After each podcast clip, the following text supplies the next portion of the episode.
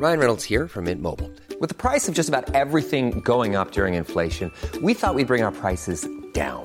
So to help us, we brought in a reverse auctioneer, which is apparently a thing. Mint Mobile unlimited premium wireless. Ready to get 30, 30, bit to get 30, bit to get 20, 20, 20, bit to get 20, 20, bit to get 15, 15, 15, 15 just 15 bucks a month. So, Give it a try at mintmobile.com slash switch. $45 upfront for three months plus taxes and fees. Promo for new customers for limited time. Unlimited more than 40 gigabytes per month. Slows. Full terms at mintmobile.com. Hiring for your small business? If you're not looking for professionals on LinkedIn, you're looking in the wrong place. That's like looking for your car keys in a fish tank. LinkedIn helps you hire professionals you can't find anywhere else, even those who aren't actively searching for a new job but might be open to the perfect role. In a given month, over 70% of LinkedIn users don't even visit other leading job sites. So start looking in the right place. With LinkedIn, you can hire professionals like a professional. Post your free job on linkedin.com slash spoken today. Ben jij het nou ook zo zat dat je keukenkastjes helemaal vol staan met allerlei losse potjes vitamines? Vind je het überhaupt moeilijk om een keuze te maken? Welke vitamines heb ik nou weer nodig? Dan heb ik een oplossing. Your Daily Health Pack. Vul online een vragenlijst in en krijg hem op maat samengesteld pakket. Supplementen van de hoogste kwaliteit en goed opneembaar. Met wetenschappelijk bewezen ingrediënten. Met makkelijk afscheurbare strips, dus goed mee te nemen op reis of naar school. En omdat jullie trouwluisteraar zijn van Even Relativeren de podcast, krijgen jullie een kortingscode. Wil je een eenmalige bestelling doen? Gebruik dan kortingscode KAI15. Wil je een abonnement afsluiten? Gebruik dan kortingscode KAI15ABO. Ga naar www.yourdailyhealthpack.com en get healthy. Succes! Kan je hem eens laten zien? Je hebt, ja, je hebt eh, eigenlijk twee portretten van eh, twee skeletten Ja. eh, op, je, op je bovenarm aan de binnenkant. Nummers invullen voor het moment dat ik dood ga. Ja, dat moet, want het, het, het helpt. Maar als je 18 bent, dan neem je dat volgens mij. Dan sta je zo nog in het leven. Je neemt dat helemaal niet serieus ook, denk ik, zo'n opdracht. Dat ik weet dat mijn overlevingsstrategie al vanaf kinds af aan ergens heb ik besloten: oké, ik ga vechten. Ik weet niet of je het ooit meegekregen. Die heeft eh, vorig jaar vijf marathons in vijf dagen gerend. Nee, heb ik niet meegekregen, maar ik wil hem graag ontmoeten. ja, het is koud. Maar kou is een emotie. Je kan je uitschakelen. En emotie kun je uitschakelen. Dat is natuurlijk complete waanzin. Loop je bij een psycholoog? Ja. Ja. Ja, dus daar ben ik een, eh, een aantal maanden geleden mee begonnen. Ik weet het dat we veel shit hebben meegemaakt samen. Maar ja, shit is mest. En van mest groeien dingen, jongen. Ik wilde gewoon experimenteren. Ik wilde weten wat het effect ervan was. Ik heb zelf regelmatig MDMA, MDMA gedaan, maar niet om trauma's te verwerken, maar eh, om nu herinneringen op te doen.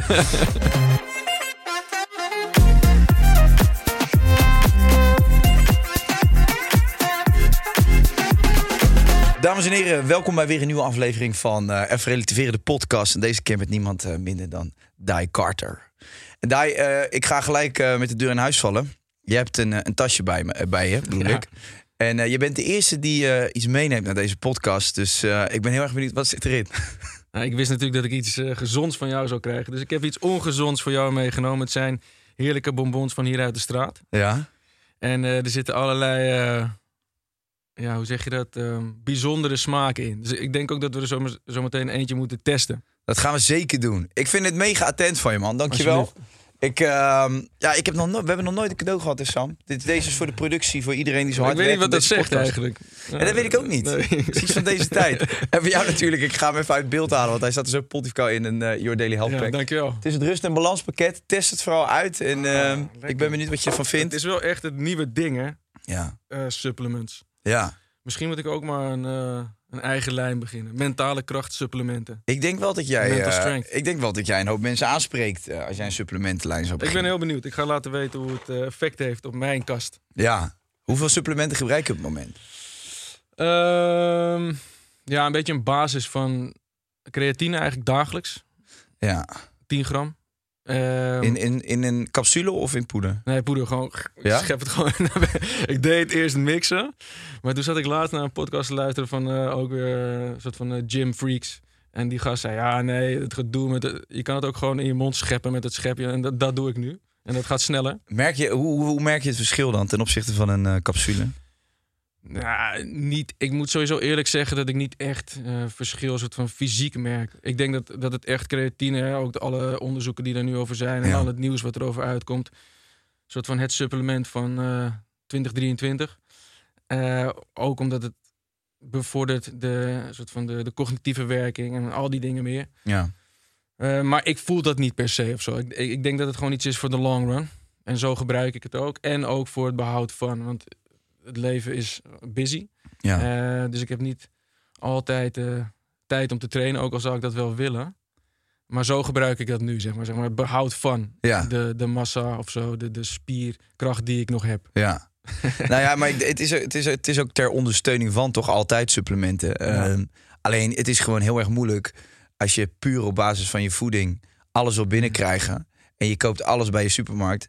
Ja, fijne wedstrijd. Dat gaat je gewoon niet meer lukken. Nee, nee, nee, zeker niet. Dus, dus daarom heb ik ook nog dat AG1, Athletic Greens. Ja. Heel veel van, nou, we hadden het net even in het voorgesprek hierover. Heel veel tips over supplementen heb ik van Huberman Lab. Ja. En eh, dus dat AG1, ehm, s s'avonds magnesium en, ehm, en om beter te slapen. Nu sinds drie weken ben ik, ehm, hoe heet het ook weer? Eh, CBD aan het uitproberen in capsules ja. van die 20 milligram. Dat Hoeveel werkt wel procent? goed. Ja, 20. eh, ja, je weet het, eh, 15 hebben we niks. Toch moet wel een beetje 2500 procent. ja, moet wel een beetje een downertje zijn. Anders werkt Hij begint nu in te slaan, zie ik. Ja, lekker, lekker. Ik, eh, ik zei net voor de gein al eh, vooraf. eh, ik, ik vraag me ook af of er in die bonbons geen eh, mushrooms zitten. Nee. Eh, heb je dat wel eens eh, geprobeerd? Want daar heb je natuurlijk ook een hele lichting van mensen die nu eh, aan het microdosen zijn. ja. Hoe kijk je daar tegenaan? Positief eigenlijk. Ja. Ja, ja toevallig een, eh, een maatje van mij die, die, die zit daar wel in, in die eh scene. Ja. En, eh, en ik dacht, ik ga dat wel een keer uitproberen. Dus ik heb het ook uitgeprobeerd. in in een aantal maanden geleden. Vorig jaar een keer. Ik vond het wel positief eigenlijk. ja? Wat Ja. merkte je? Nou ja, dus als iemand dan aan mij vroeg van hoe, hoe werkt dat voor jou, dan zei ik, nou, ik wilde gewoon experimenteren. Ik wilde weten wat het effect ervan was. Niet zozeer om soort van dat hele idee van creatieve. Nee, ik wilde gewoon weten, oké, hoe ga ik me voelen? Wat doet het met, eh, met mijn focus of met de dingen die ik voel? En ik merkte eigenlijk dat het juist mijn emoties versterkte. Wat niet altijd per se eh, fijn was of zo. Nee.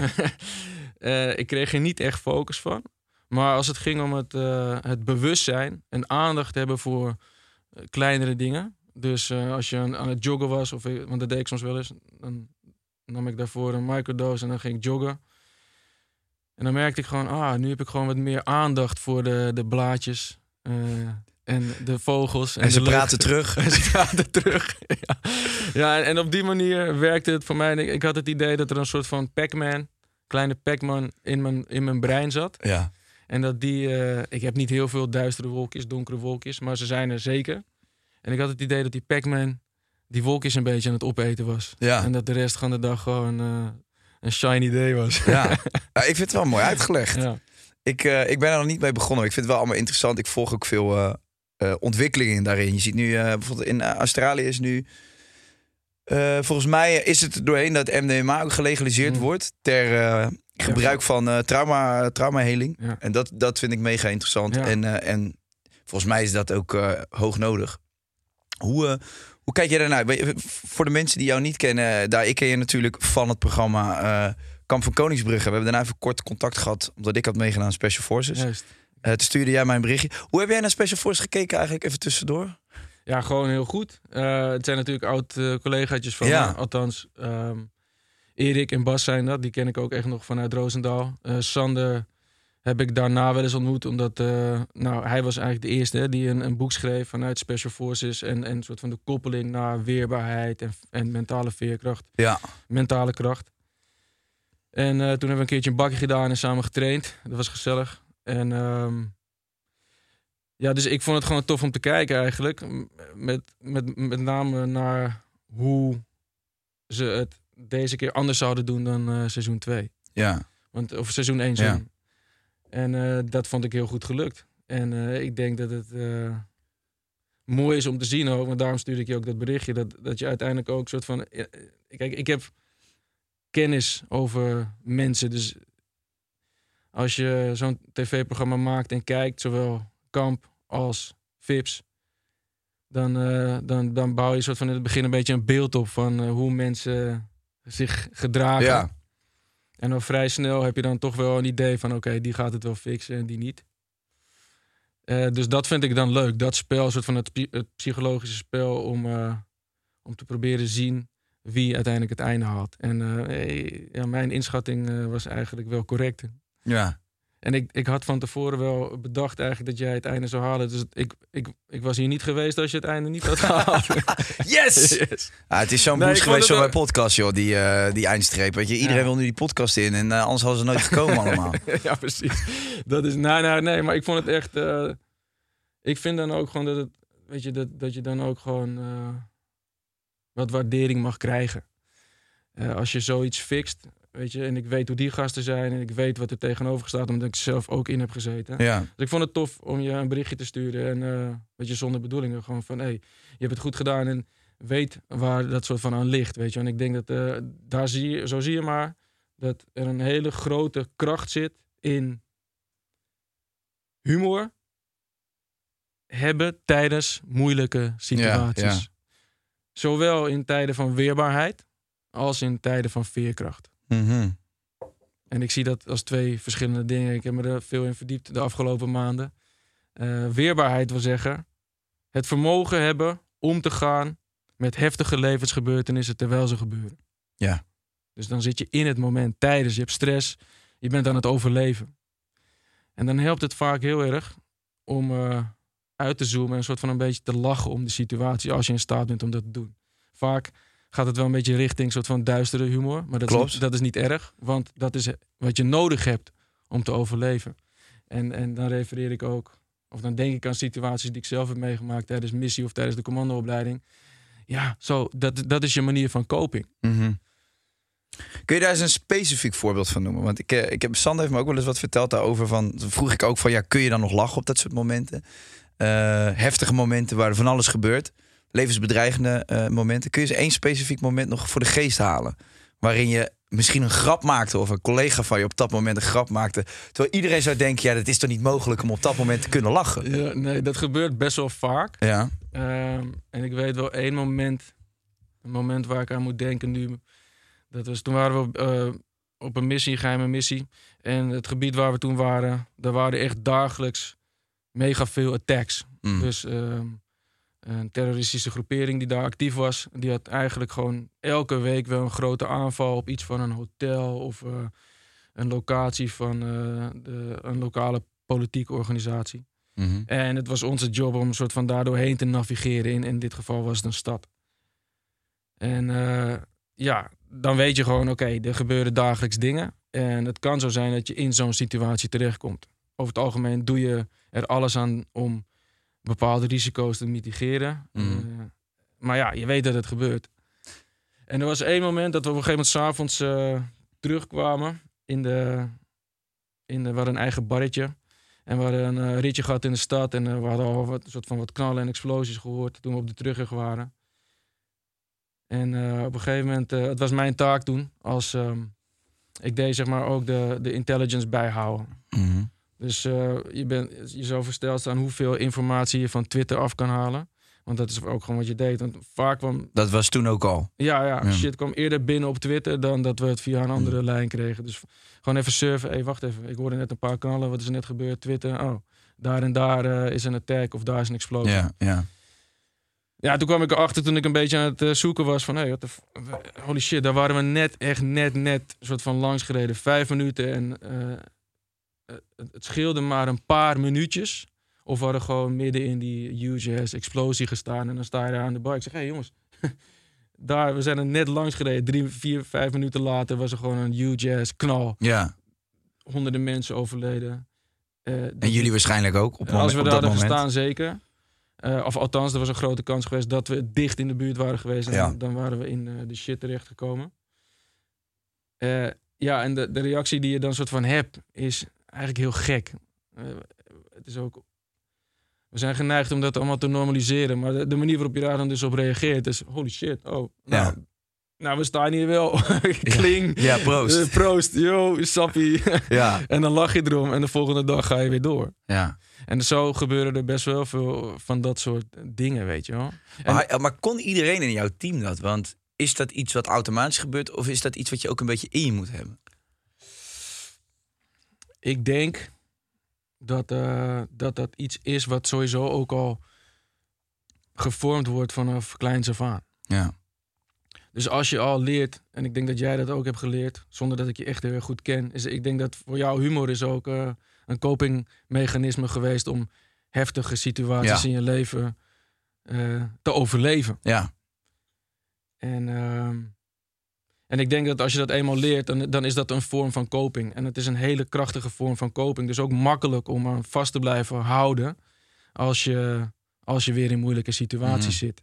Dus ik denk dat als je het eenmaal hebt geleerd als klein wezen, dan blijft het ook een beetje in je systeem Ja. zitten. En, en als je er dan voor kiest om commando of special forces te worden, eh, dan is het logisch dat je daar gebruik van Ja. blijft maken, omdat het je helpt in hele heftige situaties. Ja, klopt. Ik moet ook gelijk denken aan een situatie eh, toen mijn vader overleed. eh, en dat, dat heb ik vaker meegemaakt na begrafenissen. Dat je dan, dan is er een soort rouw. Mm.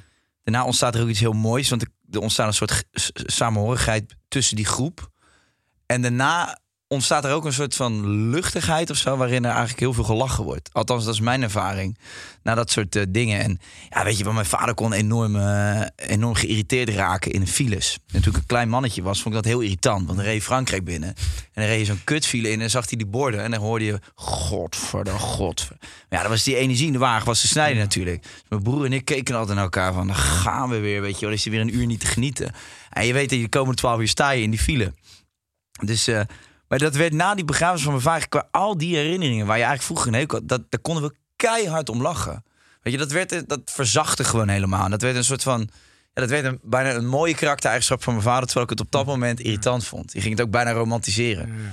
Dus het is toch iets geks wat, wat tussen dat duistere en, en vrolijke ligt of zo. Ja. ja, dat zeg je goed. En, en dat- dus blijft het ook gewoon onderdeel van, eh, van je overlevingsstrategie, denk ik. Ja. En, en je kunt ook niet anders, want eh, er zijn nog heftige soort van... Ik zat laatst weer met mijn beste maatje, die eh, hadden we het ook over dit thema. En eh, ja, het, het- je, je, je kunt in nog gekkere situaties, zeg maar... en nog soort van lelijke Mm. situatie nog steeds hetzelfde hebben. Ja. En we zaten er een beetje. Daarom heb ik. Nee, goed. Ja, we gaan vertellen over mijn tatoeages. Ja, vertel eens even over die tatoeages Nou, daar. Dat is wel. Ja. Want nou, het is nu omdat het binnenkomt en dat we donderdag met z'n tweeën gingen eten. Hij, hij, hij speelt ook een eh, best wel nou, een grote rol in mijn leven. We Ja. hebben samen de commandoopleiding gedaan. Het is echt mijn, mijn bloedgabber. Mm. En hij zit er nog steeds in. En eh, hij komt in, in mijn boek nu of nooit voor eh, onder een andere naam. Waar hij nog steeds over begint elke keer. Want hij vindt dan ook dat hij recht heeft op een deel van de royalties. dus ik heb maar zijn eten betaald eh, afgelopen donderdag. Maar hij wilde niet met naam en toenaam. Of mag dat niet, omdat hij nog in dienst is? Nee, ja, nee, hij wilde dat sowieso niet. En, Nee. ehm, en, en omdat hij natuurlijk nog gewoon eh, bij het KST zit en operationeel is en, en nog gewoon op pad gaat en zo. Dus dat, dat zou niet kunnen. Ehm, maar, en dat is, dus we hadden het daar een beetje over. Ik zei, ja, grap, maar ja, weet je, ik heb wel, je staat wel op mijn lichaam ook. En je ziet hier ook, dat zijn twee skulls. Ja, voor de mensen die het niet zien. Eh, ja. Want je, er zijn natuurlijk ook veel mensen die luisteren. En de camera pakt hem ook niet. Je hebt, kan je hem eens laten zien? Je hebt, ja, je hebt eh, eigenlijk twee portretten van eh, twee skeletten. Ja. op, je, op je bovenarm aan de binnenkant. ja. Wolken eromheen, een zon. Wat, wat, wie zien we daar? Ja, dus dit zijn mijn maatje en ik. En moet ik voorzichtig zijn dat ik zijn naam natuurlijk niet zeg. Maar en, en hier, je, ja, je ziet het niet, Henne, jij ziet het wel. Maar we geven elkaar ook van ook de, de, laten we zeggen, de commando handshake. Ja. Zo, zo groeten we elkaar altijd. Wat voor hoe gaat die? Zo, bam. Nogal hard. Iets meer, beter, beter, Ja, ja. ja, iets meer. Hapa! Nou ik doe ja, straks goed. nog een keer. We doen- oefenen dadelijk nog wel een keer. Dat is een special voor TikTok. Voor TikTok, ja. Dat is de Special Forces Handshake.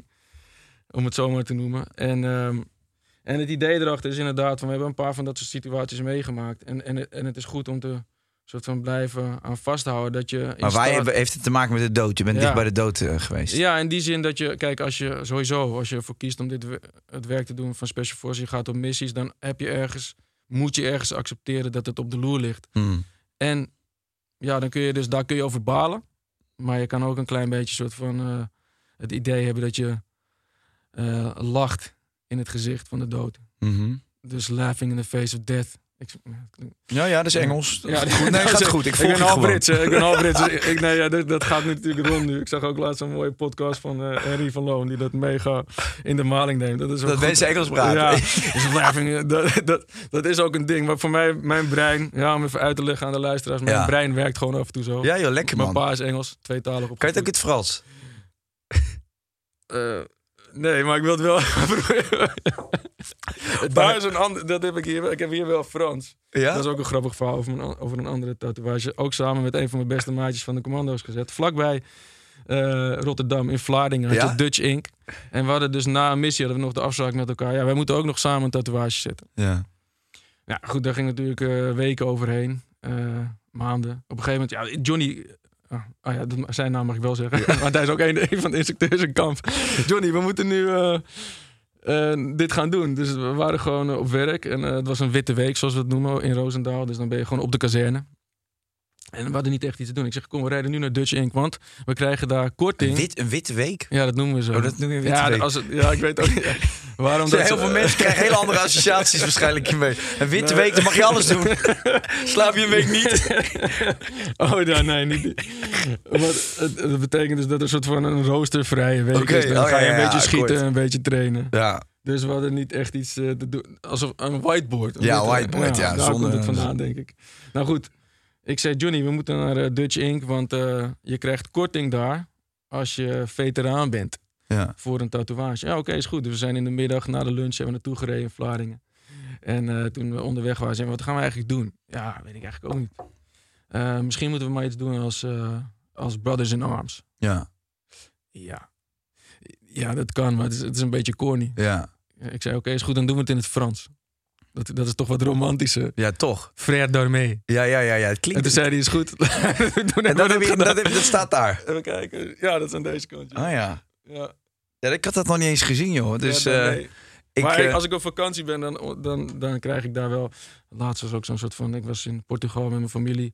En dan krijg je wel meteen. Als er dan militair of politieagenten. die zien het. eh, die, die komen dan altijd naar je toe. Oh ja? Ah, en hij was ook Fransman in dit geval. Zo van, ah, you serve, you serve. Yes, I serve. Ah, oké. En dan krijg je Ja, een ja. babbeltje over. eh, Hier hoef je, je je parkeerticket niet te betalen. ja, dat, zou, dat, zou, dat zou beter zijn.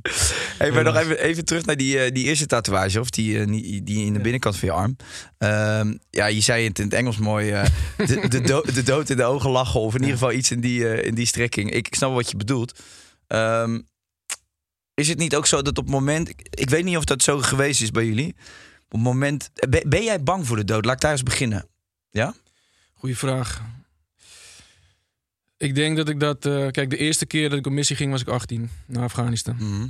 En dan moet je zo'n... eh, dat wat jullie ook hebben gedaan eigenlijk. Hè? Dus die, Ja. die afscheidsbrief schrijven. En het gaat nog verder. Je moet eigenlijk tot in detail je begrafenis organiseren. Althans, op papier zetten. Ja. Dus als je dat voor het eerst doet op je 18 is het natuurlijk best wel gek. En ik moet eerlijk zeggen, ik was daar helemaal niet heel erg serieus. Ik vond laatst die lijst ook. Ik en dan zag ik, je, moet, nou, je kan je muzieknummers invullen. DJ Paul Elstak. Happy hardcore. Nee, het was, het was eh, romantischer Oké. en wat dramatischer. Ik heb toch een gevoel Celine. Dion. Nee, eentje was eh, Teardrops. Oké. Ken je die? Ja, ik ken die naam wel. Van, is die- eye, last time I with van wie, wie is de artiest? Juist, Womack en Womack. Heerlijk nummertje. Ja? Ja. Ik zal hem straks in de auto uh, Play that shit. When Ja. Die. ja, nee, precies. Dat zegt al genoeg. En er was, maar dus dat nummer en dan ook nog volgens mij iets van Metallica. Nou ja, het sloeg nergens op. En eh, dat was ook gewoon mijn, natuurlijk ook, denk ik, vorm van, in dit geval, coping. Van ja, wat, de- wat, wat ga, wat- moet ik nou echt nummers invullen voor het moment dat ik dood ga? Ja, dat moet, want het, het, het helpt. Maar als je oude- 18 bent, dan neem je dat volgens mij... Dan sta je zo nog in het leven. Je neemt dat helemaal niet serieus ook, denk ik. zo'n Nee, ik nam het ook. Nee, dat, dat blijkt uit de, de, de keuze in muzieknummers. Maar het zet wel iets aan, weet je wel. In, eh, natuurlijk in je, in je hele systeem. Van oké, wacht even, ik ga, naar, ik ga op pad. En de, de kans is dat ik niet meer thuis kom. Dus daar begint dan een soort van een, een vorm van acceptatie. Mm. Eh, of manier van eh, het omgaan met. En ik denk niet dat ik eh, kan zeggen dat ik als een of andere samurai warrior echt accepteerde van yes, oké, als het moment daar is, dan heb ik eh, genoeg Ja. geleefd. Dat geloof ik niet. Al forceerde ik die gedachte wel bij Mm. mezelf, om het zo maar te zeggen. Ehm, maar nu, nu ik vader ben, is dat eh, wel een thema van de laatste tijd ook. Ik ben, ik merk dat ik daar nu wel angstig voor ben. Mm. En, en, en dat ik me heel erg bewust ben van het feit dat het leven mega fragiel is. Laatst waren mijn, mijn- allebei mijn kindjes ook ziek. Ze zijn nu twee en negen maanden. Of tien maanden bijna. Een dochtertje Mhm. tien, zoontje twee. En eh, ze waren ziek en dan word ik opeens zo... eh, soort van met de neus op de feiten gedrukt. Van het leven is fragiel, man. Ja. En, eh, en, en dus ben ik nu dus wel daar bang voor. Of zo. Ik ben, ik- omdat ik dan niet, eh, eh, niet meer voor hun kan zijn. Of als er met hun iets gebeurt. Ja, dat is wel echt een thema nu. Ja, ja, dat snap ik. Ja, ik hoor dat van veel mensen. Zo, het is wel het is wel eigenlijk bizar als je erover nadenkt. Hè. Je bent jarenlang op hele eh, gevaarlijke plekken geweest. Dat ligt, dat ligt achter je nu. En nu, nu eigenlijk is die angst voor de dood groter dan ooit. Ja, Ja, omdat je nu wat achterlaat. En da- voor- daarvoor misschien daarvoor, had je die gedachten niet. Ja, minder. Je hebt natuurlijk wel gewoon, als je een relatie hebt, je ouders en dingen. Maar dan Ja. zit je ook nog, denk ik, gewoon wat in die, die, die jeugdigheid ervan. Althans, ik, hè. ik spreek over, Ja. over mijn eigen ervaring. Want ik was vrij jong toen het allemaal begon. Ik was twintig toen ik mijn groene beret haalde. Mhm. 17 toen ik militair werd. eh, dus ja, de, de, je laat natuurlijk wel iets achter, maar het is zo anders als je opeens de verantwoordelijkheid voelt over, eh, over de twee Ja. leventjes in mijn geval. Dat, dat maakt het hele spel anders. ja. Maar het geeft ook dus weer gewoon, het is ook weer brandstof, weet je. Het is ook echt vuur om, eh, om de dingen te doen die ik nu doe. Eh, misschien ervaar je dit zo'n vraag. Eh, wat mij er lekker aan lijkt, is dat je op een gegeven moment je hele leven hebt geleefd, redelijk egoïstisch ingesteld. Egoïstisch als in de zin van je doet wat je zelf wil. Ja, ja, begelijking, ja. Dat er dan een punt komt waarin je dus denkt van, hé, maar het leven gaat even niet meer om mij, maar het gaat dan in jouw geval zelfs al om twee kinderen.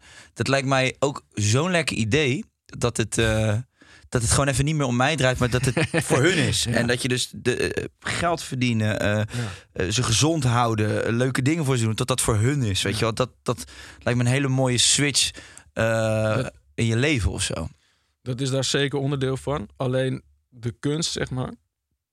Althans, is wat ik heb moeten ondervinden, is dat het wel eh, gepaard gaat met, met balans. Want dat is zo. Mhm. Je leeft echt wel. Je hebt ook wel echt, oké, wat ik nu doe, doe ik echt voor een groot gedeelte voor hun en mijn familie en het nestje wat we aan het opbouwen zijn.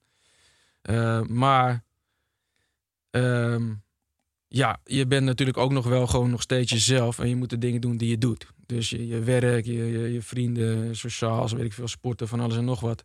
En de kunst is eigenlijk een soort van om een beetje het balans te behouden in eh, en, en te vinden tussen zowel het ouderschap, denk ik, of vaderschap, en, en ook nog de dingen ernaast doen. En, en ik denk wat, wat mooi zou zijn als, als het je lukt in het leven, wat voor mij nu best wel, nou, ik probeer het die kant op te bewegen, is dat ik dus dat, dat mijn, laten we zeggen, mijn, de betekenis waarvoor ik leef, dus mijn purpose, in samenspel is, is met, met mijn ouderschap. Ja, En als ik dat kan combineren, ja. dan wordt het, dan wordt het eh, interessant. Want dan kun je, dan weet je namelijk echt waarom je soort van op maandag eh, je bed uitstapt en, eh, en, en gaat ondernemen, gaat rammen, weet ik veel wat je gaat doen.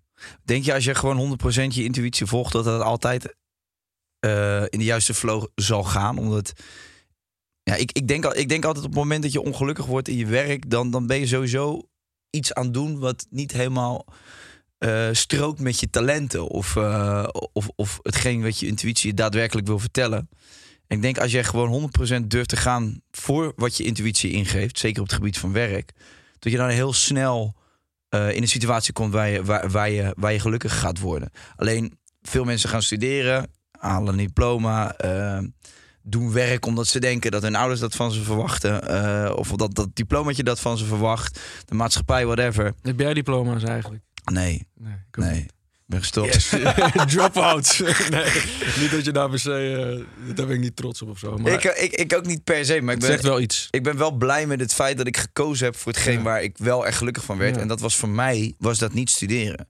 Precies. Althans niet hetgeen wat ik eh, in Utrecht deed op dat moment. Ik deed de school van journalistiek. Ik wilde juist gaan kijken van waar liggen die talenten en, en, en wat ligt er onder het tapijt, weet je wel. En ik heb de ruimte gekregen in het moment dat ik stopte met die studie om te achterhalen waar ik heel vrolijk van werd. En dat was op dat moment mensen laten lachen met, eh, met filmpjes. Ja. En dat ontstond zonder plan. Dat ontstond omdat ik die ruimte had. Dus ik dacht ook van, hé, hey, leuk, weet je wel, ik wil daar naartoe. En ik kon dat ook doen omdat ik niet vast zat aan, ehm, aan een school op dat moment. En ik zie dat ook met veel... Ik heb toevallig een gesprek met mijn broer ook over werk en zo. En hoeveel mensen eigenlijk iets doen. Eh, hè, het is oké, ze verdienen prima, ze verdienen geld mee. Maar ze zitten er ook een beetje in vast, omdat ze een hypotheek hebben en kinderen, bla bla. Maar ze weten niet eens waar hun echte talenten liggen, omdat ze nooit de kans hebben gekregen om te ontdekken wat die talenten zijn. En dat is natuurlijk wel een groot gevaar van, of groot gevaar, dat klinkt wel heel dramatisch, maar wel een probleem van deze maatschappij en het systeem waar we in zitten. Dat je heel snel in een heel grof tempo in een soort vacuüm wordt gedrukt. En daarin moet je het maar gaan doen. En voor je het weet ben je 30, 40, 50 en denk je bij jezelf, shit.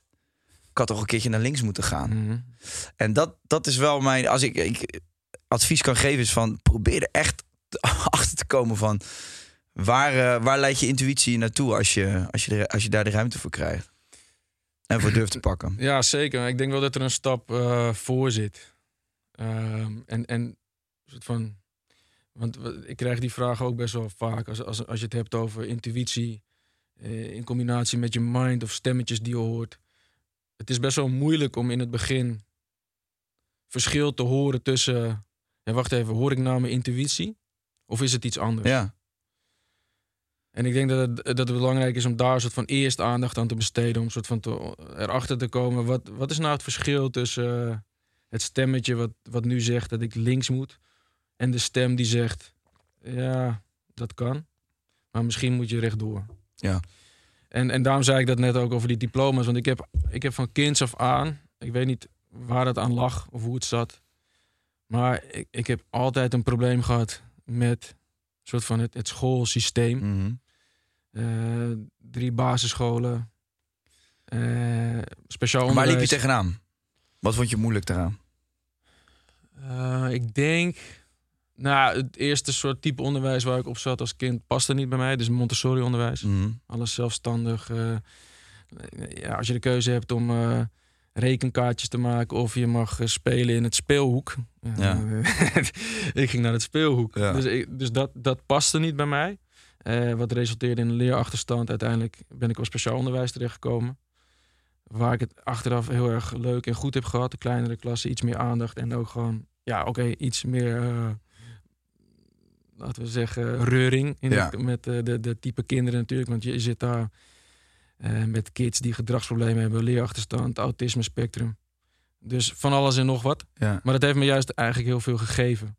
En ehm, is een hele- in ieder geval een hele kleurrijke, interessante groep ook. ja, zeker. Ja. En ehm, ja, nou, uiteindelijk vond ik gewoon dat hele soort van in een bankje zitten Ja. en, en, en, en conformeren en zo. Ik begreep niet zo goed, nooit niet vanaf het begin waarom. Ja.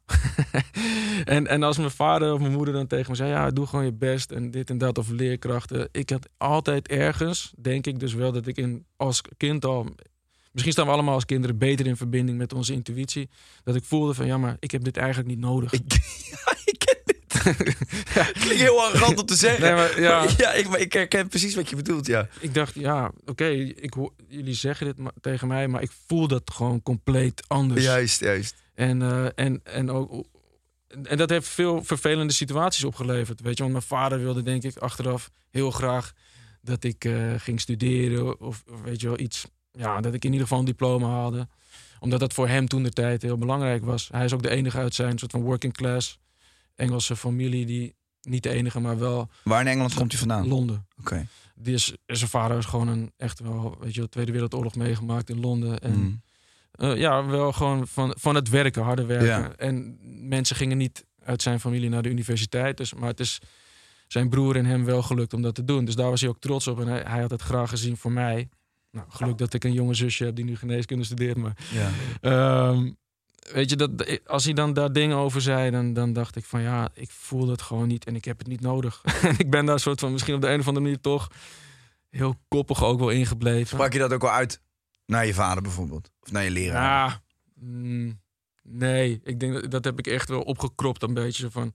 En daarin begon dan natuurlijk ook, eh, zeker rond mijn tienerjaren denk ik, daar begon alweer frictie te ontstaan in, in verschillende opvattingen. En toen ik 17 was en ik zei ik ga in dienst, oh, zowel mijn moeder als vader die vonden dat niet Nee. leuk om te horen. Nee, het heeft veel vervelende situaties opgeleverd, omdat jarenlang waren ze het gewoon niet eens met mijn, eh, mijn beslissingen. Ja, toen ging ik op mijn 18e naar Afghanistan. Dat maakt het, dat maakt het ook niet Nee, dat makkelijker. snap ik, man. Dus ze waren uiteindelijk, toen ik op mijn 29ste wegging bij het KST, na tien jaar bijna Special Forces eh, te hebben gediend, waren ze ook wel heel blij. En mijn relatie ook. En ik moet er achteraf, weet je, ik mis het nog wel. Ik mis het zeker wel. Zeker als ik dan weer met, Avontuur. ja, met name dus ehm, die trips maken, de, de, de, de plekken waar je komt, de, de missie, zeg maar. Zo'n, je hebt zo'n focus Mm. als je naar een missie toewerkt. En, en ergens is dat zeker egocentrisch, omdat je, omdat je zo leeft in die missie. Heel, dingen, heel weinig dingen maken uit. Ik, ik heb ook wel eens gezegd, Maar jij stapte er redelijk jong uit nog dan. ja, ja, Op zeker. je 29ste. Ja, Dat is eigenlijk een leeftijd waarin, eh, ja, waarin veel van je collega's misschien nog eh er vol in zitten. Juist, en de, en de meesten zitten er ook nog voor in. Weet je, dat Ja. zie je nu ook. En, ehm, en ze gaan ook weer tof. Dus als ik dan met hem zit, eh, donderdag met mijn beste maatje, waar ik het net over had. En ik hoor weer dat hij iets gaat doen. Dan denk ik, oh ja, dat is ergens lonkt dat nog wel. Maar het past gewoon niet meer Nee. bij mijn leven nu. En ik heb die beslissing toen al gemaakt. Toen ik, toen ik wist ook dat ik op tv dingen zou gaan doen. En, en Mhm. het boek, prima. Hey, dat, dat ligt achter me. Maar dat wil natuurlijk niet zeggen dat je af en toe nog wel verlangt. Soort van naar die, eh, die spanning en sensatie. Ja, dat snap ik. Eh, eh, nog even terugkomen op die, op die, waar we hadden het net over intuïtie en stemmetjes in je hoofd. Ik denk ook niet dat je intuïtie altijd heel duidelijk vertelt, dit is het.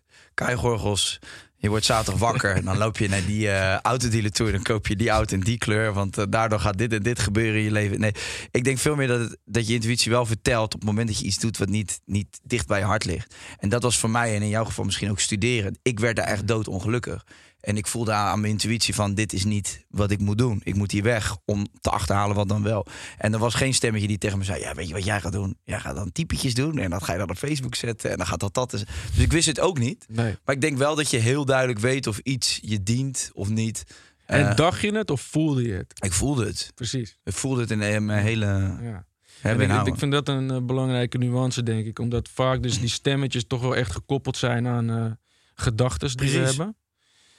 En, eh, en ergens vind ik dat soort van ook een beetje de, eh, laten we zeggen, de, de, de zwakte van rationaliseren. Als je alles maar met ratio eh, doet, dan leidt dat naar. Althans, ik denk dat dat de gedachte is voor veel mensen nu.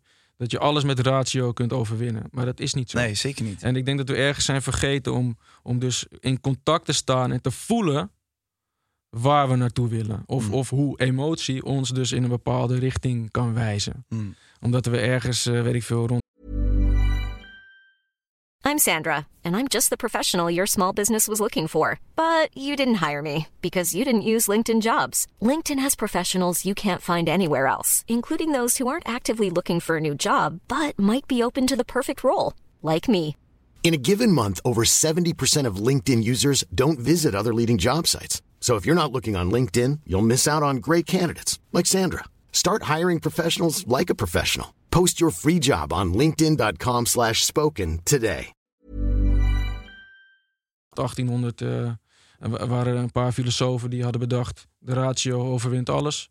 Eh, emoties zijn slecht. En eh, dat zie je nog veel ook hè, op social media. Als je kijkt bij sport, topsporters of.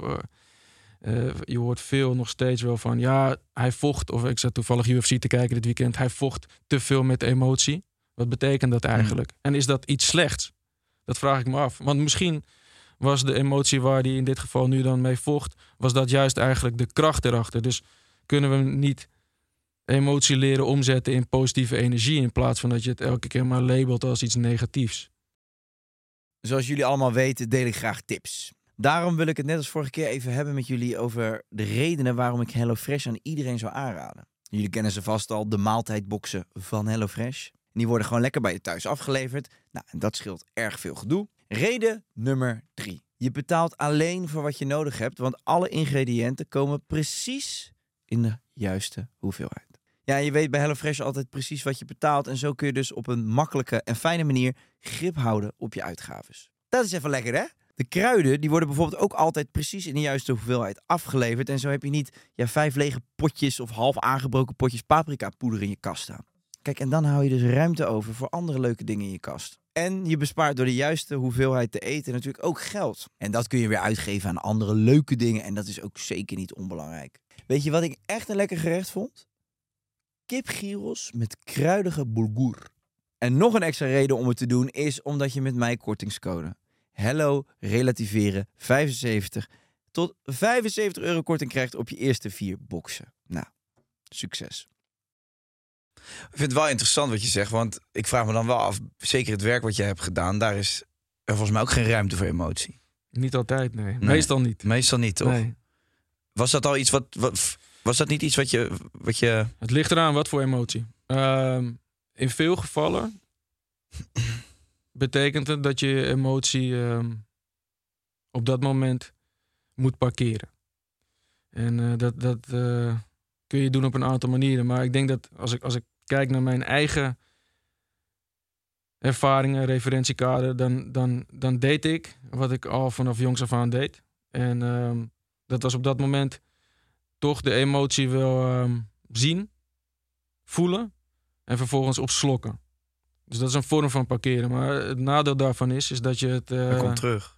ja, je gaat het ergens in je lichaam wegstoppen. Precies. En eh, het komt er een paar jaar later uit. Of op een moment dat je liever niet wil dat het eruit komt. Ja. Ehm, en, en dat is wat ik wel echt heb geleerd in de reflectie op mijn tijd bij de Special Forces. Is dat, ehm, dat we misschien iets beter moeten worden in de toekomst in het, in het reguleren van die emoties. Want wat we nu vaak doen, is die emotie opslokken. En, en ik denk dat dat, dat heeft met weerbaarheid te maken. En volgens mij zei Sander het ook hier met jou. Maar kan het in een situatie waarin je terecht zou kunnen komen met, met het werk wat, jullie, wat jij deed, kun je daar. Is dit niet de enige manier om het op dat moment weg te slikken en door te gaan in, in the heat of the moment? Ik denk het niet. Ik denk dat er ook wel andere manieren zijn. Maar ik denk dat het, dat het zeg maar in de, in de kern. Het belangrijkste is dat je ergens soort van eh, weet wat, wat jouw overlevingsmechanisme is in tijden van stress en moeilijke, heftige levensgebeurtenissen.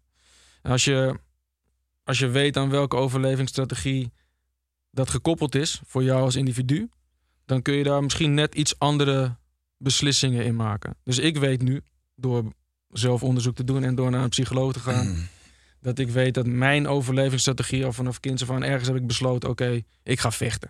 En dan heb je nog een keuze hè, tussen eh, bevriezen, dus fight, flight, freeze. En er zit er nog eentje in fawn. En fawn is, dat kun je best vertalen denk ik, naar een soort van verlamming. Mm, ja, ja. Eh, dus dan als je, je hebt de keuze tussen vechten, bevriezen, vluchten of een soort van verlammen. Op die Ja. manier overleef je stressvolle situaties. Nou, ik weet dus dat ik in, in de kern kies voor vechten. En dat is niet altijd eh, de, de beste optie. Maar als ik weet welk gedrag daaraan gekoppeld is, eh, eh, in dit geval dus vaak me verzetten. of als het gaat om die emotie in dat moment, wat is waar we het net over hadden, ervoor kiezen maar, van me af te slaan, Mhm. dan is dat een manier om daarmee te dealen.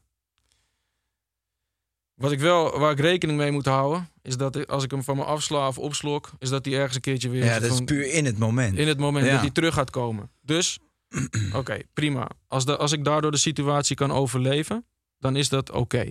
Omdat ik dan dus hè, de situatie overleef en eruit kom. Maar wat ga ik dan daarna doen?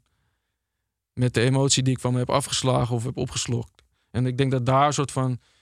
Daar zit een beetje het vraagstuk. Zeker in- vanuit mijn referentie nu voor mensen die heftige dingen meemaken. Dan heb ik het over militaire politie, weet je wel, brandweer. Dus de, de, de, de dienders van de maatschappij. Die elke dag dit soort situaties meemaken. Momenten van weerbaarheid zorgen ervoor dat je het overleeft. Maar er komen emoties vrij. En wat ga je dan vervolgens daarna doen met die emoties? Als je er niks mee doet, ja, dan, wordt het een, dan gaat het echt een Mhm. keer eruit te ko- opkomen op momenten dat je het niet wil. En, en in sommige gevallen gaat dat betekenen dat je je werk niet meer kunt voortzetten. Maar jij bent, hè, als, ik, als ik een beetje naar je verhaal luister, bent dat zelf gaan uitzoeken. Hè? Je bent zelf op Mhm. onderzoek uitgegaan. Ik vind wel, als ik daar naar luister, en, en er wordt heel veel geld geïnvesteerd in defensie en het opleiden van jullie. Ehm, en Sanne zei het hier ook wel mooi. Je, je, laat op deze manier, als je, als je mensen te veel laat bungelen. en mensen die trauma's niet verwerken. laat je eigenlijk ook hele slechte ambassadeurs van Defensie achter. Omdat op het moment dat je eh, dat niet goed oplost. en het komt er op een fout moment uit. dan, ehm, ja, dan, dan, dan is er natuurlijk ook geen, geen goede reclame voor Defensie in het algemeen. En ik denk ook dat hetgeen wat jullie meemaken zo heftig is.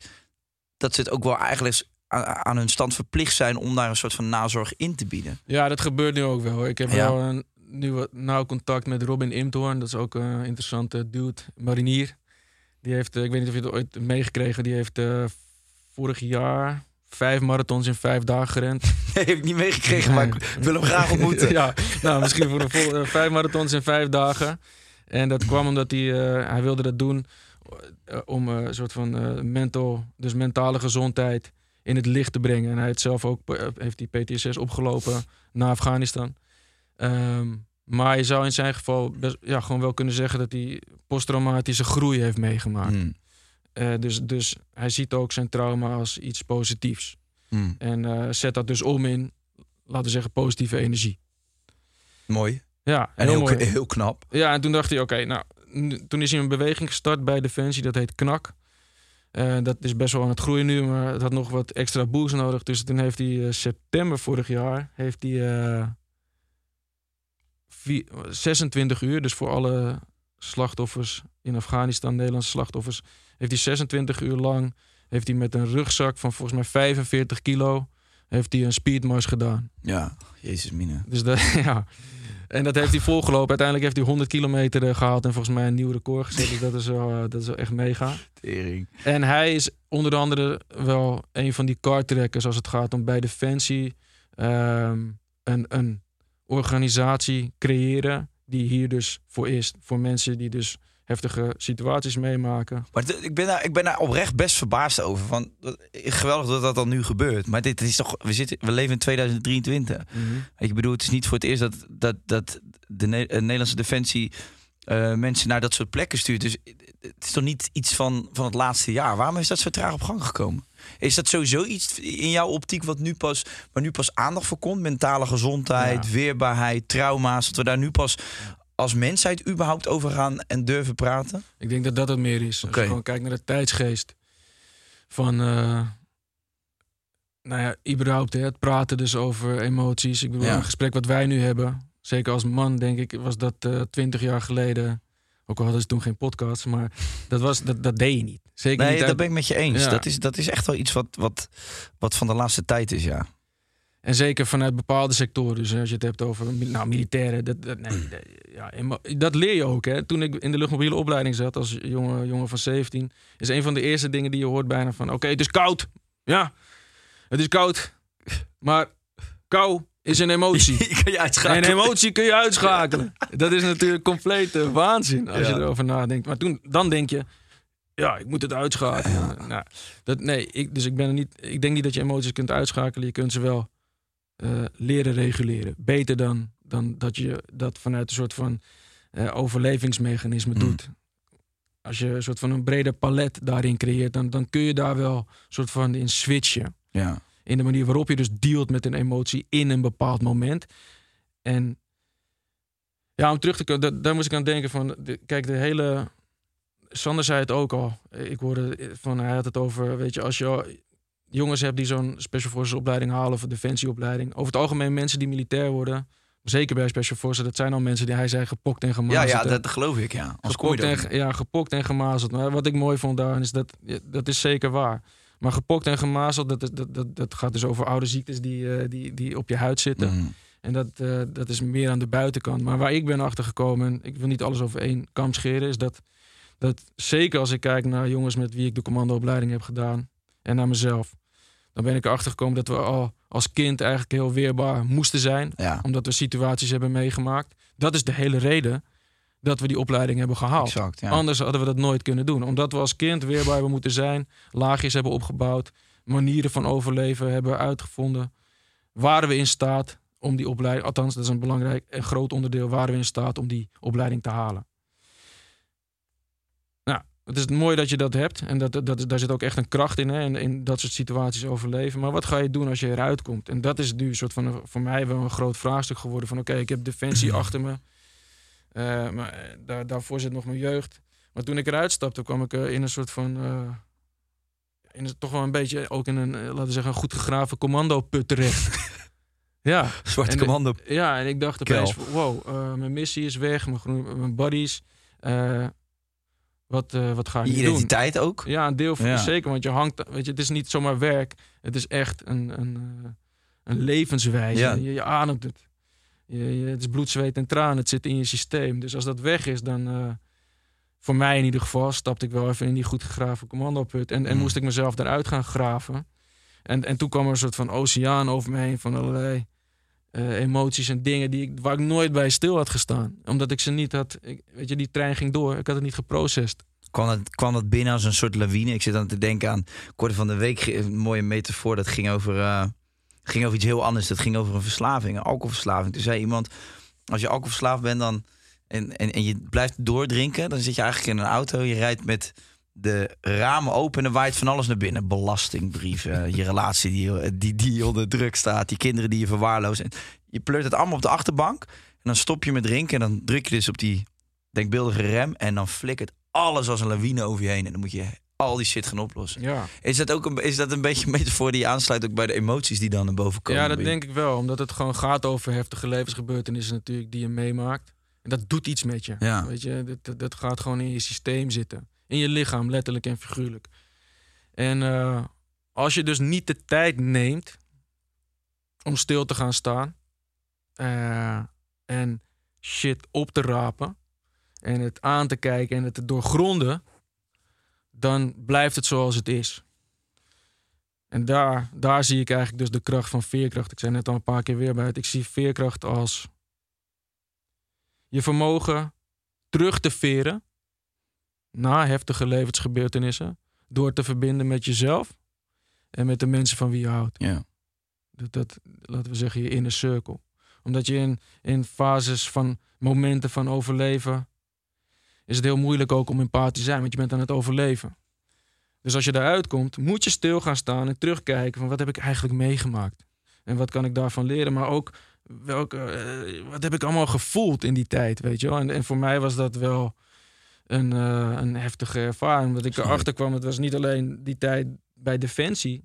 eh, van missie naar missie, Special Forces, de commandoopleiding. Wat, in zekere zin zou je kunnen zeggen dat dat ook een heftige levensgebeurtenis is. Ja. Acht weken lang ACO. eh, En die studenten die maar klagen met die ontgroening. hè? ja, nou, er gebeuren ook lijve Ik dingen. net zeggen, dat is toch soms nog gestoord, maar goed. Ja, nou, en, en, en daarvoor nog, zeg maar, ook nog mijn dingen uit mijn, mijn tienerjaren en mijn Ja. jeugd. En toen kwam ik erachter, holy shit, ik heb nooit, nooit, nooit stilgestaan bij al die dingen. Ik Nee. ben gewoon in een trein doorgegaan. En eh, ik, moet, ik, moet, ik moet dingen gaan verwerken. Dus dat is wat ik, daar ben ik nu aangekomen. En dat is wat ik nu aan het doen ben. En een grote reden daarvan is, is zeker mijn, zeg maar, mijn, mijn vaderschap. Omdat ik, omdat ik daar gewoon, ik wil emotioneel evalueren. Krijg je hulp? Eh, ja, zeker. Ja? Ja? Ja, ja, sterker nog, ik ga je na, na de sessie.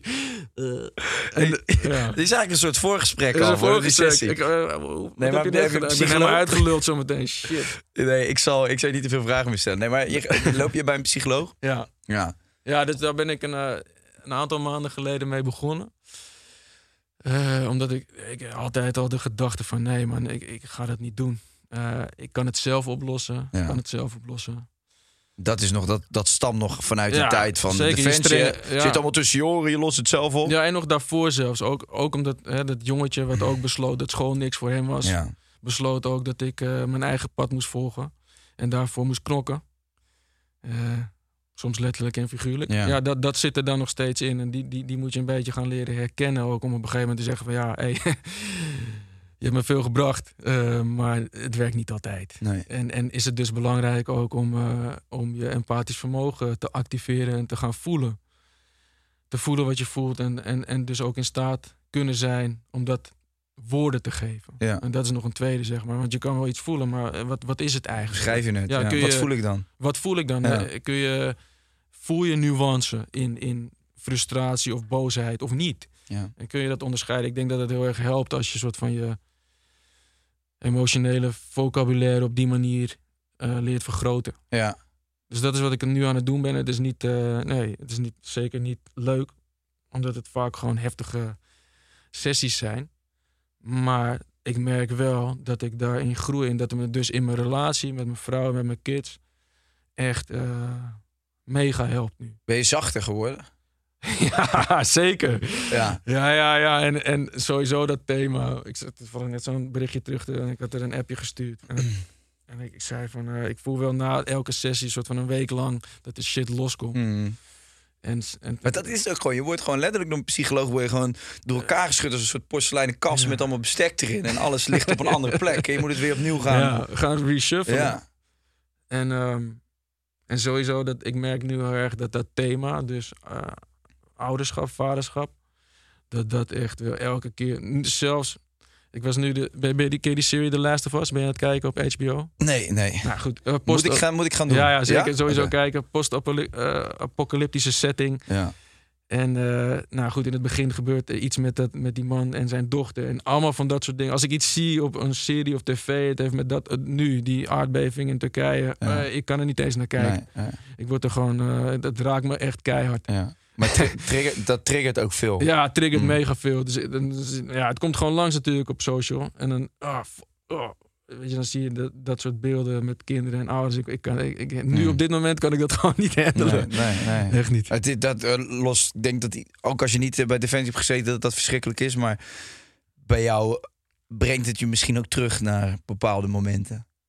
Maar dat valt op zich wel, ja, soms wel. Maar op zich valt dat nog wel mee. Waar het meer gewoon in zit, is denk ik nu dat hele thema van, eh, van soort van het ouderschap. En wat ik ook in het Ja, begin ja, zei, precies, met het het, fragiele in het leven. Dat het soort van, dat je echt, dat ik mezelf ook wel vaak eh, bewust van moet maken dat, dat, het, dat het leven ook gewoon eh, fragiel is, weet je. En dat je echt van de momenten moet genieten. Dus ook als je dochtertje niet wil slapen of je zoontje en eh, je bent nachtenlang wakker, jaren of maandenlang slaap je niet goed. Dat ik dan, weet je, dat is een soort van oefening die ik dan ook probeer te doen. Dus dat ik dan toch probeer, oké, mijn overlevingsmechanisme gaat nu aan. Ik probeer er tegen te vechten. Eh, nee, accepteer het, go with the flow en probeer echt soort van vanuit empathie ook te genieten van, van dit moment. Ja, ja. Dat is echt heel vaak nou, moeilijk. Dus, dus nu probeer ik dat op die manier ook soort van een beetje te oefenen in, in mijn eigen eh, setting. Mooi. Ik denk dat het ook een goede tip is. In het, in het moment proberen te genieten van dingen waar je normaal gesproken misschien direct vanaf wil of wil oplossen. Of, Ja, en dat is best wel lastig. Zeker om nou, ik bedoel, de maatschappij. We worden allemaal. eh, natuurlijk, dat is geen geheim. We worden allemaal een beetje soort van beïnvloed door al die en zo. En nu dan ook het nieuws. Als je, het, het komt allemaal zoveel meer binnen. Eh, dus is het ook echt wel een uitdaging. Ik zie het echt als een uitdaging om jezelf zoveel mogelijk in het nu te plaatsen. ik denk, dat het, eh, ik, ik denk dat, we, dat het bijna niet anders is. Als we dat niet doen, dat we echt helemaal horend door worden. Ja, Want het is ook, eh, als je, als je het hebt ook over een. eh, je staat in een donkere kamer, je hebt een zaklamp, je schijnt op iets. Dat is het enige wat je ziet. Daar ligt je focus op. Maar je weet niet wat er om je heen gebeurt. Maar dat vind ik ook met waar focus je op in het dagelijkse leven. Ik bedoel, als al die. Ik, ik heb het ook wel eens. Ik heb geen Twitter en zo, maar toch zit ik wel eens op Twitter omdat ik dan iets wil weten of zo. Of omdat ik wil weten van eh, wat gebeurt daar en daar en daar. En er komt zo fucking veel binnen. En, en heel veel, daar kan ik helemaal niks aan doen. Of daar heb ik ook helemaal niks aan aan die informatie. Maar ik sla het allemaal op. En ik ga er, mijn, mijn gedachten gaan er wat van vinden. En mijn emoties die spelen daar dan weer op in. Dus ik ben eigenlijk 's ochtends vroeg al gefrustreerd om iets wat ik gelezen heb. Wat geen fuck met mij te maken heeft. En waar ik helemaal geen kut aan kan doen. nee. Potverdikke, het gaat snel. Ja, het gaat snel. Maar ik, ik zou nog twee uur met je kunnen praten. Maar Overigens trouwens, eh, ja, je, mag, je mag, als ik in een donkere ruimte sta, ja. zet ik gewoon mijn night vision aan. baas. Ja, ja, precies. Nou, kijk, zaklampen. Maar die, die spullen heb ik allemaal niet, weet je wel. Wij zijn de normale burgers, wij hebben dat allemaal niet. Maar ik, eh, ik wil nog even weten, omdat we hadden helemaal aan het begin hadden we het over eh, die onderzoeken die er nu gedaan worden hè, met MDMA, mushrooms. Eh, ik zat de laatste documentaire te kijken over een, ook een ex-militair in Amerika die met MDMA, zeg maar, nu aan traumaverwerking Mhm. deed. Ja, dat is best wel groot nu daar, die MDMA-trials. Ja, ik vond het heel tof. Ik heb zelf regelmatig MDMA, MDMA gedaan, maar niet om trauma's te verwerken, maar eh, om nu herinneringen op te doen.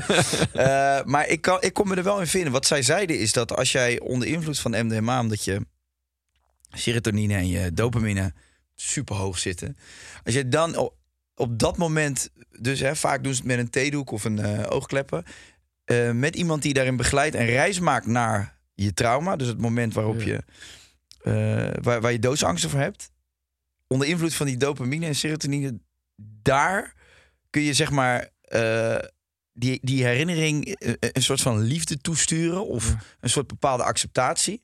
En ook als die MDMA daarna is uitgewerkt, hebben je hersenen gewoon een andere verbinding Precies. gelegd en is, is die trauma niet direct opgelost, maar in ieder geval, je hebt, je hebt een hele grote stap gezet. En dat vind ik zo fucking interessant. En, en, en dat is natuurlijk ook met mushrooms en, eh, en, en weet ik het allemaal wa- wat er nu op gang komt. Hoe, hoe kijk jij daarnaar? Daar ben ik wel benieuwd naar. Nou ja, ik zou eigenlijk eerlijk gezegd wel echt... Ik, ik zou wel geïnteresseerd zijn om dat zelf uit te proberen. Omdat ik nu terugdenk aan een paar van mijn eigen sessies. waarin ik dat dus moest doen. Zo'n oefening, hè, teruggaan naar een trauma. En het dan dus pro- proberen te eh, ja, reframen of zo. En dat kan.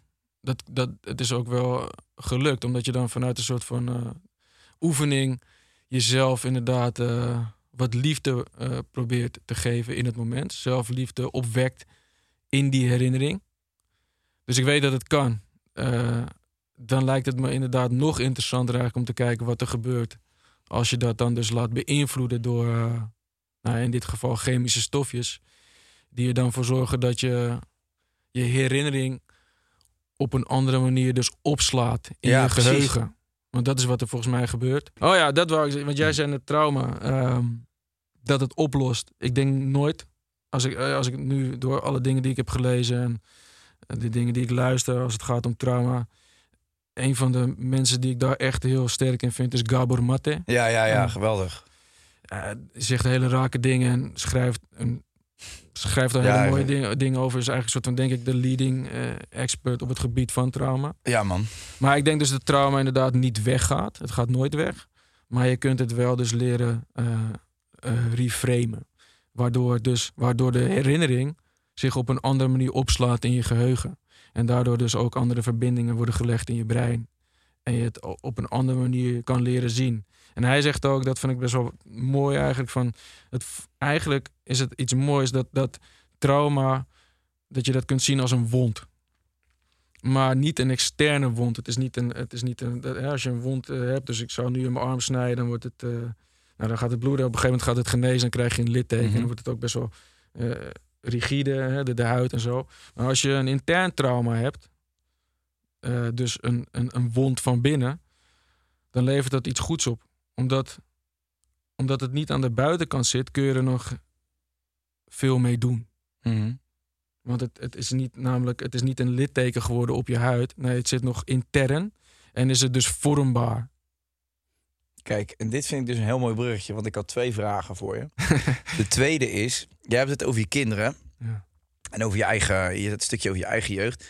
En als ik dan, ik heb het wel eens met vrienden over, als ik dan denk, als ik een kindje krijg, dan ben je, je bent inderdaad heel beschermend, denk ik. En je wilt dat het allemaal goed gaat.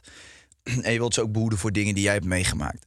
Tegelijkertijd, ik heb, ik heb ook van alles meegemaakt. eh, ik heb ook een heel leuk leven gehad, dus het is niet eh, alsof dat allemaal vol met trauma zit. Maar wel dingen waarvan ik denk, nou, als ik een kind krijg, die hoeft niet dezelfde dingen te gaan doen. Misschien is dan een beetje, want, want trauma zit ook misschien een beetje een stigma op. Hè, maar je kan wel, ik, de, ik denk wel dat je mag zeggen van, ik heb een leven gehad vol met heftige levensgebeurtenissen. Ja, ja. Dat, dat mag je zeggen, Ja, als het zo is. Zeker. En, en dan denk ik, ik, ik ben nu dus heel tevreden met mijn leven. Maar echt, ik durf zelfs te zeggen dat ik echt, echt blij ben. Over hoe ik het, Goed zo. Hoe, hoe ik het Neem een chocolaatje. Ja, ja, nee, maar hoe ik het heb ingedeeld. Ja. Ik ben daar heel tevreden over. En ik ben hier gekomen ook door alles. En dat klinkt allemaal een beetje cliché, maar door alles wat er is gebeurd, Hmm. ben ik hier. Dus ook het overlijden van mijn vader. Die is heel lang alcoholist geweest, heel veel vervelende dingen gebeurd. Maar alles wat ik daarin heb meegemaakt, ben ik nu hier. En dan ben ik dus heel tevreden, ben ik een gelukkig mens. Ik ben blij. En dan denk ik wel van, oké, maar ik wil mijn kind straks dus voor heel veel dingen gaan behoeden. Maar die heftige dingen die ik heb meegemaakt, die hebben er nu voor gezorgd dat ik hier sta en dat ik daar eigenlijk heel gelukkig mee ben.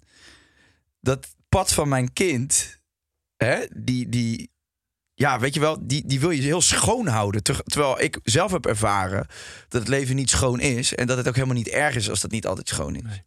En dat vind ik best wel een soort van contradictie. Want hoe, ja, hoe zie je dat dan nu met je eigen kinderen? Ik ben heel erg benieuwd hoe jij, daar, hoe, hoe jij dat ziet. Want jij hebt ook heel veel heftige dingen meegemaakt.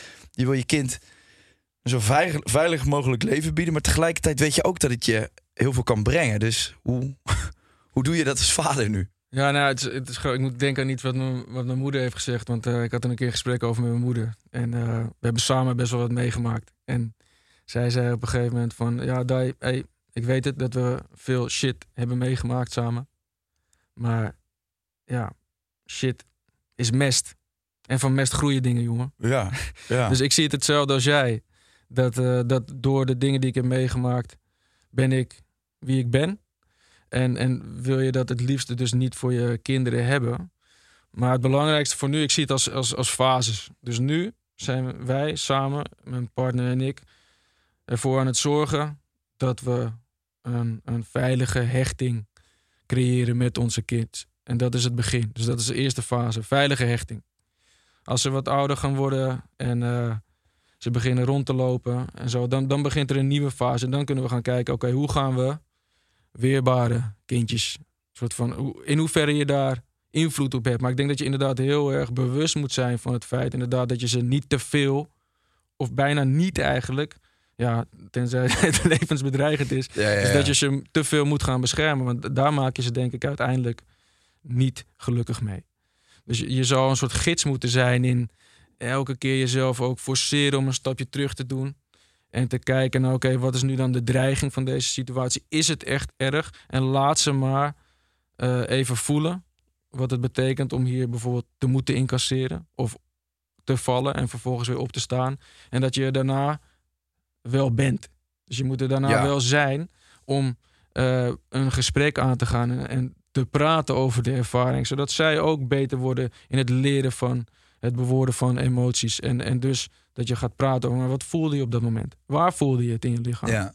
Oké.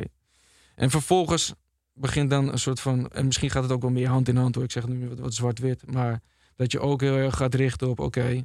maar ik wil ook dat ze in staat zijn om terug te veren na heftige levensgebeurtenissen.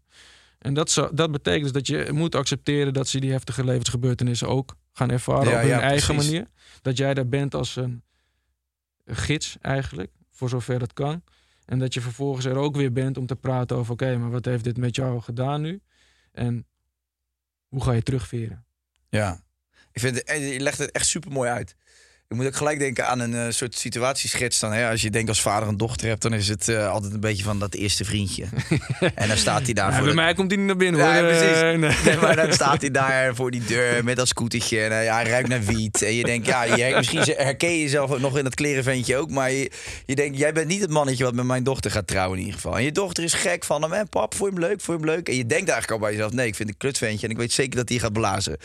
Maar tegelijkertijd, weet je wel, je, je wil ook niet tegen je dochter zeggen, nee, het mag niet. Want dan weet je dat je je dochter van je aftrapt. En je weet eigenlijk dat ze tegen die muur moet aanlopen om vervolgens weer door te groeien. Maar het is best lastig, want je staat er wel bij te kijken. En ik denk dat dat ook wel een, eh, ja, dat is best een opgave, denk ik, in het vaderschap. Het is een opgave. Dus voor zowel eh, beide onze we- Ik maak het, we maken een grapje, eh, mijn vrouw en ik, of mijn partner en ik, over dat in ieder geval ons dochtertje een warrior princess moet worden. Ja. En dat is misschien ook wel iets te veel getypeerd in een bepaalde richting, maar Het is wel ik duidelijk. stuur wel, ja, het is, het is wel duidelijk. En ik stuur nu ook de hele tijd eh, van die reels door van eh, professionele Brazilian Jiu-Jitsu Ja. vrouwen. Die, die mega goed zijn. En, dat je denkt, wow, die, die, Ja. die vouwen gewoon een of andere grote klerenkast die die kon stoer doen in de gym. En die vouwt ze gewoon helemaal dubbel. Ik stuur de hele tijd dat soort filmpjes. Ik dat, dat, dat is wat het moet eh, worden. Ja. maar dat geldt zowel voor, voor allebei hoor. Ik vind het gewoon belangrijk dat ze natuurlijk eh, in dat geval levensvaardigheden opbouwen. En da- daar ben je zelf als ouder natuurlijk voor een groot deel eh, verantwoordelijk voor. Zonder dat je het forceert. Want ik kan ze niet, ook al zou ik het graag willen, dat ze goed worden in eh, kickboksen en eh Brazilian Jiu-Jitsu. En dat ze zichzelf kunnen verdedigen. Ik kan dat niet forceren. Nee. Dus eh, je, kan het, weet je, je, kan je, je kan wat zaadjes planten, maar vervolgens moeten ze er zelf wat mee doen. Absoluut. Mooi man. Ik, eh, ik, ik ga je vriendelijk bedanken voor je tijd en eh, je openhartigheid. Superleuk dat je er was. Ja, bedankt. Ehm, Ja, graag gedaan, jongen. Ik, ik ga, moeten we even Ja, een bonbonnetje om ja, ja, ja, ik wel. Zeker. En ik heb dus... Ik weet niet meer precies wat wat is. Maar ehm, Puccini, Bombini. Bomboni. Nou, we gaan... Bomboni, ja, wat grappig. Ehm, we gaan het gewoon... eh, we gaan het gewoon... Zo, die zien er wel echt lekker uit. Kijk, dit is... Wat is dit? Een soort uh, chorizo-worstje zit erin. eh. daar zat... eh, hoe heet het ook weer? Het is zo'n... Nou, het is een eh, Indonesische, Aziatische kruiden. Echt? Ja. En eh, er zit... Wacht, deze is met peper. Zie je? Oh, en deze is met drank. Die is met drank. Champagne, champagne. Eh, ja, echt? Ja, Ja, die, die, die, sla ik even over. Ja, ik. Want dan ben ik... en deze is kokos. Maar neem jij deze? ik ga deze, ik neem deze. Hier, Sam, moet jij een bonbonnetje? Nou zeg, eh een bonbonnetje? Serieus. Nee, zeker niet. Ik, ik neem peper. Ja, ja, moet jij een visolietabletje doorkouwen nu? Nee, heel legaal. Is het wel... eh, is het vega visolie? Nee, maar zeg, ben je vega? Ja? Nee, ik ben het lang geweest, hoor, maar niet meer. Het is een beetje... eh, laten we zeggen, eh, ik, ik, be- ik eet bewust. Ja. Dus eh, af en toe een klein beetje visvlees. Ah, ik heb er wel een mening over. Ik denk nog steeds dat vis meegaat. Dat je het meeste uithaalt, maar daar zijn de meningen over verdeeld. Mm, ik heb nu algen. Ja. Mm, ja. Heb geloof- je research gedaan? Heb Ja. je research Ja, gedaan? ja. Nou, mijn compagnon gelukkig die hierin zit. Die, eh, Maar goed, kijk. ehm, ik denk dat het sowieso goed is om er bewust mee bezig te zijn. En wij krijgen ook een, eh, een vegan pakket. Ehm, dus als je, die, eh, ja, als je die keuze gewoon niet wil maken... dan komt er ook een pakket voor. Alleen, Ah, chill. Weet je wel, ik vind het ook zo lastig. Ik heb ook een tijdje... had ik een stuk minder vlees tot bijna geen vlees meer. En het is ook maar net zeg maar, op welk onderzoek je je aandacht richt. Want er is ook zoveel... eh, er is ook zoveel verschil in. En voor mij gaat het er voornamelijk om... Ik ben een enorme dierengek. En ik ben, eh, ik ben groot voorstander van dierenwelzijn. Dus ik vind de massa-industrie die hierachter zit... vind ik waardeloos. Eh, en, en, en ik hoop ook echt dat daar wat aan gaat gebeuren. Alleen ik ben niet per se een tegenstander van het eten van vlees aan zich. Alleen wel over hoe wij die massa-industrie in stand houden... en hoe die beesten eh, door, door, door, door een... Nou ja, goed. Ik, eh, je snapt allemaal precies, wel hoe dat eruit ziet. Dat, dat is vreselijk. Hij is trouwens fucking lekker, deze bonbon. Even tussendoor. Nice. Ja, dankjewel same. nogmaals. Ja. Je bent bent de eerste met een eh, cadeau. Ehm, laat even weten wie jullie in de podcast willen zien. En de reacties. Vergeet niet te abonneren. Blauw duimpje in de lucht. En eh, ik zou zeggen, fijne middag. Eh dankjewel. Wat is er, Sam? Mis ik iets? Blauw duimpje, je zit op Facebook. Oh, dat is niet meer natuurlijk. Weet ik veel wat je doet. Weet je, Blauw doe, duimpje. doe een tikkie-tokkie. Je wordt oud, man. Ik word echt oud. Hoe Ik, oud ben je nu eigenlijk? ik ben 32. Ah, 32. Maar ik ben heel die TikTok-game... eh, ben ik al aan het missen, zeg maar. Jij zit ook niet, zit, je- zit je op TikTok? Ik zit erop, maar ik ben niet vlot genoeg voor die shit. Ik, zit niet op Ik, ik, hou, ik kan het ook niet meer. Ik kan niet meer alles bijhouden. Ik had vroeger Facebook, Instagram, YouTube. Eh, en toen kwam dat kut TikTok. En had je nog een tijdje Snapchat. Ik, ik, ik, Ik zit ook niet op TikTok, maar heb je gezien wat, eh, wat ze allemaal naar binnen slurpen aan data? joh? ja, Ja. Ik zit er niet op. ik ook niet. Hey, dames en heren, trouwens, vergeet helemaal ehm, het nieuwe boek van Dai. En dat zegt Ja. hij niet zelf, dus niet dat je denkt zo... ik zei het vanuit mezelf. Hij heeft een nieuw boek geschreven en ik vind dat dat gewoon gelezen moet gaan worden. Dus Dai, vertel even kort. Ja, misschien ben ik daar dan toch eh, te nederig. Ik zat, ik zat vanochtend te denken, ik begin maandag, het is maandag vandaag. Ik begin Ja. maandag altijd best wel nederig, want ik heb vanochtend heb ik gesport. En ik ben eh, sinds een paar maanden bezig met eh Brazilian Jiu-Jitsu. Ja, En daar ben ik dus een beginner in. Wat resulteert in dat je Klappen. elke training ja, een choke of een armverwerging krijgt aangelegd. Dus voor mij is het goed om op maandag daarmee te beginnen, want dan ben- ik voor de rest van de week gewoon eh, nederig. Dus misschien zit dat nog te veel in mijn systeem dat ik het niet heb. eh, eigenlijk heeft hij gewoon Ja, een harde veel- trap in zijn noten gehad vanochtend. veel van, ja, daar komt het wel. eh, harde trap in mijn ego-noot of Ja. zo. Maar dat is goed. En eh, ik denk dat we veel van de thema's waar we het net ook even over, of waar we het over hebben gehad, die komen terug in het in boek, in boek 2. Ja. Mentale kracht. En eh, dat zie je ook. Dus de, de, de opbouw van het boek is deel 1 is weerbaarheid. En dan gaat het echt over, oké, waar komt mijn weerbaarheid vandaan? Dus wat ik er nu of nooit deed, was situaties beschrijven vanuit de commandoopleiding en tijdens missie. En dat koppelde ik dan aan mentale kracht. In dit geval doe ik hetzelfde. Dus er zitten wat, wat eh, verhalen in uit mijn jeugd die ervoor hebben gezorgd dat ik weerbaar ben geworden. En die gebruik ik dan en dat koppel ik ook weer aan mentale kracht. En het tweede deel van het boek gaat over veerkracht. En het gaat ook veel over de thema's waar we het nu dus over hebben gehad. Dus oké, hoe ga ik dan weet je wel, leren stilstaan? Hoe ga ik leren herstellen?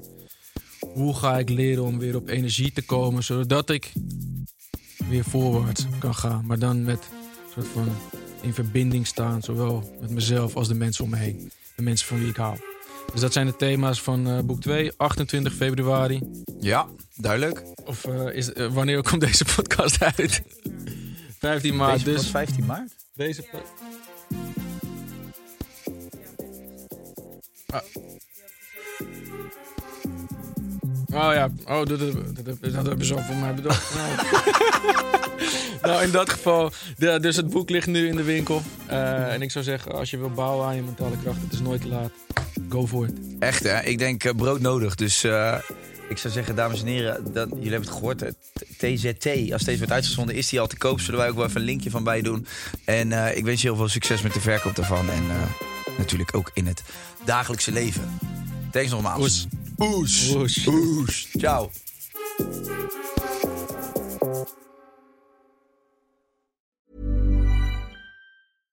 This message comes from BOF sponsor eBay. You'll know real when you get it. It'll say eBay Authenticity Guarantee. And you'll feel it. Maybe it's a head turning handbag, a watch that says it all, jewelry that makes you look like the gem, or sneakers and streetwear so fresh every step feels fly. eBay gets it. So look for the blue check mark next to that thing you love and be confident that every inch, stitch, sole, and logo is checked by experts. With eBay Authenticity Guarantee, you can trust that feeling of real is always in reach. Ensure your next purchase is the real deal. Visit eBay.com for terms. Imagine the softest sheets you've ever felt. Now imagine them getting even softer over time. That's what you'll feel with Bowl and Branch's organic cotton sheets. In a recent customer survey, 96% replied that Bowl and Branch sheets get softer with every wash. Start getting your best night's sleep in these sheets that get softer and softer for years to come. Try their sheets with a 30-night guarantee. Plus, get 15% off your first order at bowlandbranch.com. Code BUTTERY. Exclusions apply. See site for details.